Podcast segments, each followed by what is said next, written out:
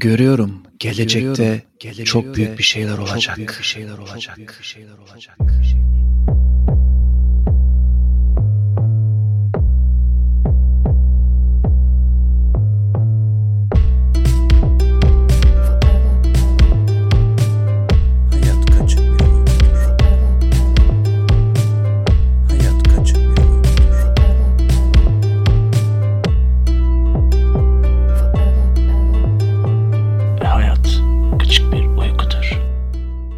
HKBU'nun yeni bölümüne hoş geldiniz. Ben Samet. Kaliforniya'da, okyanusun diğer tarafında sevgili arkadaşım Nazım Cihan var.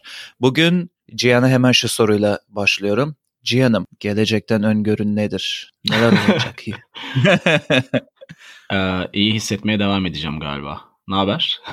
İyi ne olsun işte böyle bir hafta sonu sabahı bir kayıt yapalım dedik. Sen de tabii akşam oluyor doğal olarak. Böyle bir değişik bir giriş yapmaya çalıştım seni yine şaşırtayım dedim. Çünkü çünkü bugünkü konumuz bir ortaçağ zamanlarında yaşayan bir arkadaşımızın hayatın şifresini kırıp kırmadığı veya bazı özel yeteneklere sahip olup olmadığıyla ilgili bir e, hayatın kaçıklığının aslında tam merkezinde kendini bulan bir arkadaşım. Biraz hayatını ve öngörülerini konuşacağız. Bu kişi sevgili Nostradamus. Yani Nostradamus hayatın maymuncuğunu buldu mu, bulamadı mı? Aynen öyle. Baya çelişkili hem çok destekleyen hem çok karşı çıkan veya e, inanmayan insan var. O yüzden güzel bir konu olduğunu düşünüyorum. Ayrıyetten zaman zaman dünyada büyük olaylar oldukça ismi de sürekli tekrar böyle araba motorlarına falan ilk sıralara yükselen bir arkadaş. Çünkü şöyle bir şey buldum araştırma yaparken.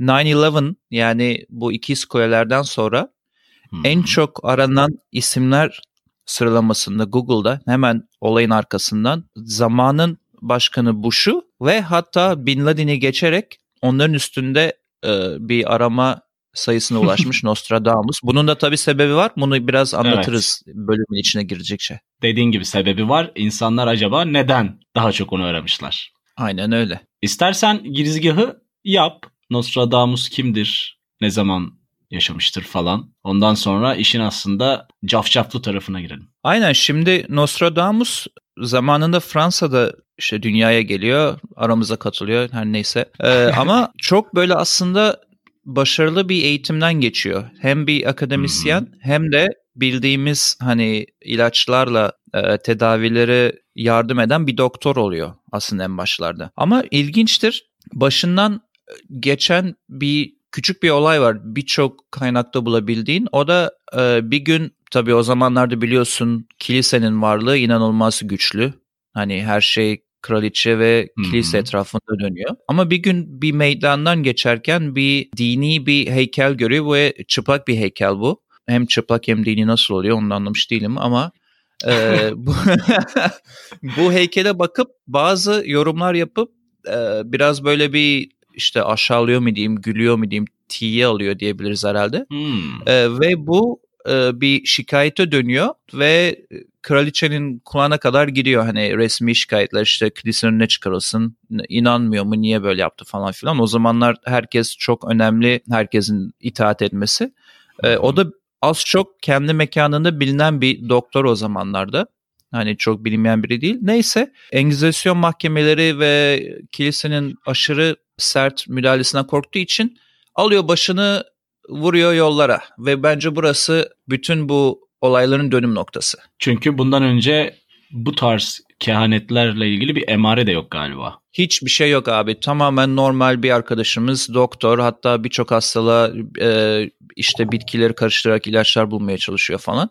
Hiçbir şekilde bir gelecekle ilgili bir öngörüsü yok. Hiç kimseyle bir e, sıra dışı bir bağlantısı hiçbir şey yok. Ama alıyor başını vuruyor yollara ve arkasında eşini ve sanırım iki çocuğunu bırakıyor yanlış olmasın. Ama ailesini bırakıp gidiyor. Sana burada çok ilginç bir ayrıntı vereceğim. Biraz fazla konuştum sonra topu sana atacağım. Ama bu başını Hı-hı. yollara vurduğu rotada Fransa'dan çıkıp temel olarak İtalya, Türkiye ve Yunanistan civarında seyahat ettiği düşünülüyor. Burada ilginç olan şey şu. Bu seyahatler sırasında özellikle İtalya kısmında bir 5-6 kişilik bir rahip grubuna rastlıyor ve orada sanırım ilk onun öngörüsü orada biraz meşhur bir hale geliyor. Çünkü oradaki rahiplerden birine dönüp şey diyor sen gelecekte e, papa olacaksın diyor adama. Adam Allah sıradan Allah. bir rahipken. Hı. Ve o adam da işte bilmem kaç yıl sonra papalar değiştirilince on işte eski papa vefat edince falan yeni papa seçiliyor. Ve hmm. sana bu konularda lafı vermeden önce şunu da söyleyeyim. Ayrıca kesin kanıt olmamakla birlikte bu rota üzerinde birkaç yıl geçirirken Nostradamus'un bazı tarikatlara veya daha gizemli böyle gruplara bulaştığı söyleniyor. Oradan da böyle conspiracy theories şeklinde bir bağlantı yapmaya çalışanlar da var tabii. Vay, enteresan ve ilgi çekici bir detay paylaştın. Bütün podcast dinleyicileri ve benimle. Aynen düşünsene Türkiye topraklarında Nostradamus'un ayak bastığını bence çok kişi bilmiyordur yani ilginç bir detay. Evet yani 1500'lü yıllarda Nostradamus bayağı gezmiş Avrupa'yı. Evet e, mahkemenin e, olayı düşürmesinden sonra geri dönüyor ama döndüğünde eşini ve çocuklarını zaten kaybetmiş oluyor. Sıtma gibi bir hastalık sanırım hani yanlış hatırlamıyorsam. Hı hı. Zaten o dönem ee, hem sıtma hem de veba bayağı salgın şeklinde can aldığı için. Aynen öyle. Doğru, doğrudur. O kurtarmış kendini. Evet o uzak durarak ve çok gezerek kurtarmış herhalde kendini diye düşünüyorum ben de. Hı hı. Ya ben daha çok hani e, seninki biraz daha böyle şehir efsanelerine doğru kayarak da oldu Hı-hı. verdiğin doneler. Benimki daha çok hayatıyla ilgili araştırma üzerine hani ne yapmıştır ne etmiştir. Benim gördüğüm de hani senin anlattığına paralel aslında işte 1550 yılına kadar gayet böyle aslında rutin bir hayatı var. Herhangi bir kehanet serisi diye bir kitap yapmayı düşünmemiş. Hı hı. O bahsettiğin seyahatten sonra döndükten sonra yine dediğin gibi hani döneminde bilinen hekimlerden biri. Çünkü veba salgını sırasında bayağı bir ünlenmiş özel tedavi yöntemleri ve ilaçlarla. O yüzden dolayı da direkt zaten Charles'ın 9. Charles'ın dikkatini falan çekmiş. Hani bayağı böyle kraliyet ailesine kadar uzanmış ünü. 1550 senesinde bu bahsetmiş olduğun mucizevi kehanetlerini yazmaya başlamış. O dikkatimi çekti. Yani Hı-hı. 47 yaşında demiş ki artık ben yazayım bunları ve almanak olarak yayınlayayım. Enteresan bir kafa. Evet yani hani bakınca hani o dönem hani kilise çok aktif hani her türlü seni aforoz edebiliyor ya da toplumdan soyutlayıp bir şekilde seni yargılayabiliyor. O yüzden Aynen. dolayı da çok farklı bir dil kullanmış yazdığı almanaklar içerisinde.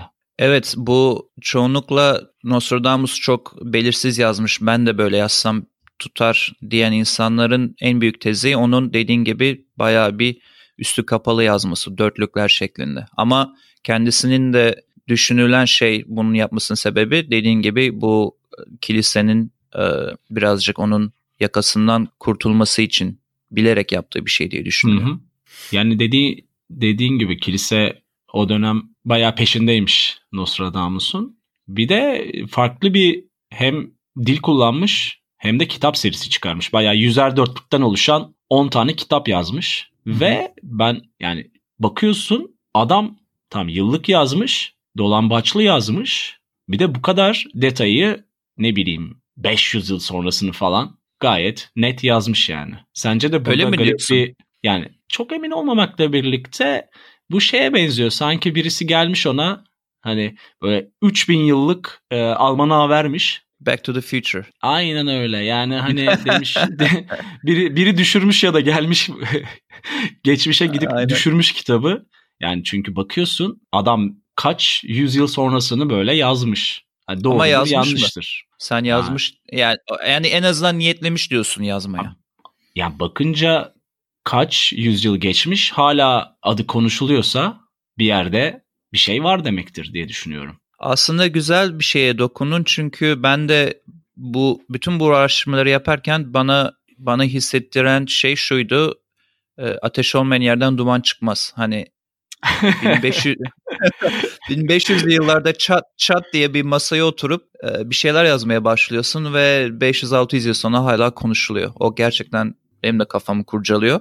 E, madem bu yazma ile ilgili biraz çok bas, ufak bahsettik sana çok kısa şey de söyleyeyim e, veya dinleyicilere. E, iki türlü bunları yazdığı veya görmeye çalıştığı söyleniyor. Birincisi yaktığı mumun alevinin içine bakarak resimler gördüğü. Diğeri de suyun içine bir, bir tasın içine suyu dolduruyormuş ve o tasın içine bakıyormuş. Uzun saatler hatta bakıyormuş yazmaya başlamadan önce Hmm. diye öyle e, tahminler var. Ya, ya nasıl yazdığını da ya da, ya da nasıl bunları gördüğünü de tahmini olarak söyleyebiliriz merak edenler için. Onun dışında istersen sen biraz daha senin notlarından bahsedebilirsin. Hani sen benim ilgimi şu çekti. Sen diyorsun ya 500 500 yıl sonrasını bayağı Hı hı. yazmış diye. Şimdi benim için biraz şey gibi geldi. Sen bayağı bir tatmin ol- olanlar tarafındasın gibi. İstersen bir örnek ver insanlara. Ne yazmış mesela bu kadar ileriye dönük? Yani tatmin olduğumu söyleyemem. Hani bu biraz tok konuşmamın sebebi hani bunca yıldır hala gündemde olup her yıl başında YouTube'da onlarca video bulabileceğin ve haber sitelerinin yaptığı onlarca haber olan bir figürden bahsediyorsun. Mesela bu sene de var biliyorsun bir sürü. Aa, 2020 senesinde Nostram- Nostradamus'un kehanetleri nelermiş falan diye böyle. O yüzden Hı hı. yani toplum tarafından belli bir yere konulmuş. Hani bu kabul edilir ya da kabul edilmez. O başka bir olay. Benim dikkatimi çeken noktalardan biri bahsettiğimiz kahin diyeceğiz artık. Hekim ya da astrolog ya da eczacı değil. Bahsettiğimiz kahin 1500'lü yıllarda yaşıyor. Bu kadar uzun süreli bir almanak yazıyor ve yazdığı bu 10 kitabı 5 senede yazıyor. Hı hı. Bu benim dikkatimi çeken birinci nokta. Diğer nokta ise hani konuştuğumuz gibi hani kiliseden dolayı bayağı dolambaçlı, gizemli bir dil kullanıyor. Hani neler kullanıyor bu hatta örtüleme yöntemi diyorlar araştırmacılar Nostradamus'un tekniğine. Ne yapmış? Semboller kullanmış. Mitolojik referanslar vermiş. Sözcükleri Hı hı. ters çevirmiş. Anagram yapmış. Hani kitabını sadece Fransızca yazmamış. Latince, İspanyolca ve İbranice sözcükler kullanmış. Ve sözcüğün yalnızca bir harfini değiştirip farklı bir yöne evriltmiş okuyanları. Sanırım burada buradaki o tek harften e, referans verdiğin meşhur hisler Hitler referansı olmalı diye düşünüyorum. Kesinlikle. Evet haklısın. Ama bu hisler kelimesi de Latin e, eski zamanlarda Latin'de em, Almanya'nın ortasından geçen büyük bir nehrin adı olduğu söyleniliyor ve aslında Hitler değil hisleri demek istediğini çünkü Hitler'in Avusturya'da doğduğunda o nehre yakın bir yerde doğduğunda söyleniyor. Öyle bir çift bağlantılı bir durumda söz konusu. Belki de bir taşta iki kuş vurmuş olabilir Nostradamus o kelimeyi kullanarak. Yani tabii ki bilinçli yazılan şeyler ve yani ne kadarı doğru, ne kadarı yanlış, ne kadarına maruz kaldık, ne kadarına kalacağız. Ama her zaman biliyorsun bu fal işi, astroloji ve bu tarz şeyler toplumların, insanların hep ilgisini çeker ve her zaman bir geleceği öğrenme dürtüsü vardır ya. Odur Ya yani. öyle ama ama bu adamın ki çok farklı özellikle yazmış olduğu için şunu da bahsetmeden geçmeyelim dinleyenler için. Tam onun bu kitapları yazmaya karar verdiği zamanlarda ilk defa kitaplar e, yazılmaya başlanıp dağıtılmaya başlanıyor. Ve inanılmaz ya şu an hatta biri şöyle bir benzetme yapmıştı. Şu an internetin patlaması gibi 90-2000'lerde nasıl herkes kullanıyor, her üç kişiden ikisi dünyada kullanıyor. O zaman da öyle bir patlama oluyor. İlk defa yazdığın bir şey kalıcı olabiliyor ve ona çok denk geliyor. Onun çok işine yarıyor bu. Onun farkı gidip birinin elini tutup da avucun içine bakıp şu olacak bu olacak demekten ziyade bu fal olaylarında daha bir oturup ben bunu yazacağım. Bu yazılı bir şekilde kopyalanıp hani e, ileriki yıllara aktarılacak. Hani baya bir ciddi adam dediğin gibi kafa yorup sistematik bir şekilde bunları kağıda dökmüş. E, bence onun biraz daha herkesten daha böyle e, gündemde kalmasının sebebi de inanılmaz geniş bir 500 yıllık e, tahminleri olması. Mesela sana şöyle bir örnek vereyim. Herkes şimdi meşhur işte ikiz kuleler, işte Hitler'in geleceğini gördü. İşte ne bileyim e, Katrina kasırgasını gördü falan filan diyor da. Hı hı. Şimdi o 1500'lerde yaşarken 1666'da mesela The Great London Fire gerçekleşiyor. Londra'da bayağı büyük bir yangın oluyor. Çok Hı hı. insan ölüyor. Evet. işte gidiyor Şehir gidiyor. falan. Şehir gidiyor.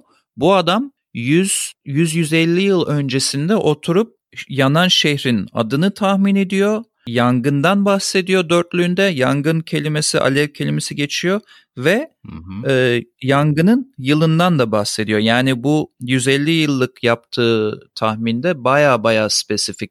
Yani çoğu çünkü onun tahminlerinde yıldan bahsetmez. Ama e, orada mesela yıldan falan bahsediyor.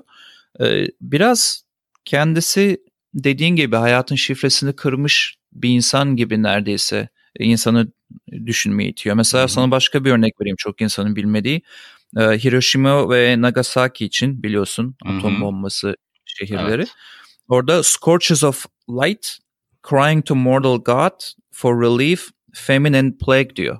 Bu atom atıldıktan sonra hem Japonya kısmında inanılmaz açlık ve hastalık yaşandı. Hem de hmm. Scorches of Light dediğin zaten hani videolarını görenler olmuştur bu atomun. Büyük patlamalar. Evet büyük patlama Bomba. ve ışık saçması. Hı-hı. Hani e, insanların işte tanrılara ağlaması Japonya'da falan filan. Yani baya böyle e, ve ikiz şehir diyor en başında bunun. O yüzden özellikle bu atom Hı-hı. saldırısına e, bahşediliyor onun bu tahmini. Ama böyle çok ilginç ilginç şeyler var. yani diyorsun ki ben onu kabul eden taraftayım. Valla ben ben de senin gibi böyle ateş olman yerden duman çıkmaz modundayım ama %100 kabul eden tarafta değilim. Çünkü şimdi karşı çıkanlardan bir tarihçi de şunu söylüyor mesela. Çok katılmıyorum ama insanlar iki tarafını da dinlesin diye bu podcast'te. Nostradamus'un yaptığı, Nostradamus'un yaptığı rulet oynamak diyor birisi. Ve hmm. rulet oynamayı şuna benzetiyor. Ben diyor e, oyun oyunumu diyor şey yani oynayacağım oyunda diyor e, pulumu diyor 25 numarayı diyelim koyduysam yeteri hmm. zamanı ve sabrı gösterdiğimde o çevirdiğimiz rulet bir gün mutlaka o 25'e gelecek diyor. Hmm. Ve onun bu 500-600 yıllık tahminlerinde de eğer ben oturup bir kitaba işte iki tane büyük bina aynı anda yanacak işte yıkıldığı için insanlar yaralanacak dersem bir gün mutlaka uzun yeteri kadar uzun süre beklersem bu yaşanacak gibi bir e, karşıt karşıt olanların teorisi de var. Yani o biraz tabii ki biraz sığ bir teori olarak kalıyor. Çünkü yine yine başa döneceğim. Bunca zamandır yani bahsettiğimiz 600 yıl önce falan yaşamış bir insandan bahsediyoruz. Bu arada dinleyicilerin hı hı. dikkatini çekmek için söylüyorum. Yani gündemde kalma ihtimali olabilir mi sence? Olsaydı bir sürü insan gündemde kalırdı öyle. Yani o yüzden bilinmeyenler var. Muhtemelen biri dediğim gibi kitabını düşürdü 1500'lü yıllarda. O da kitabı buldu. Zaten bu e, konulara bakarken sebeplerden biri olarak e, birisi şeyden bahsetmişti. Gelecekten hani hangi hangi yönlerle, hangi yollarla bunu tahmin etmiş olabilir diye. Birisi de şakayla karışık hani ya gelecekten biri gelip onunla buluştu ve o sayede bu kitap ortaya çıktı böyle bir süre içinde, kısa bir süre içinde 10 cilt veya hmm. kendisi bir şekilde zamanın içinde gidip gelme yolunu buldu ve bütün bunları bir şekilde görüp kağıda dökme şansı oldu diye ama tabii ben ikinci kısma çok katılmıyorum çünkü gidip gelebilse zaten gidip başka bir yerde kalırdı. Çünkü onun öldüğü zamanki son sözleri de istersen e, paylaşalım. E, hizmetçisine aynen aynen öyle. You will not you will not find me alive on next sunrise diyor hastalandığında. Uzun bir süre hastalanıyor aslında. Çat diye vefat etmiyor hmm. ama bu hastalık hastalıklı gecelerinden birinde hizmetçisine söyledi. İşte önümüzdeki gün doğumunda beni canlı bulmayacaksın diyor hizmetçisine. Hmm. Ve de dolayısıyla tahmin edeceğiniz üzere gerçekleşiyor. en popüler o en popüler tümcesi kendi ölümünü bile bildi. Kendi ölümünü bile bildi. Aynen öyle.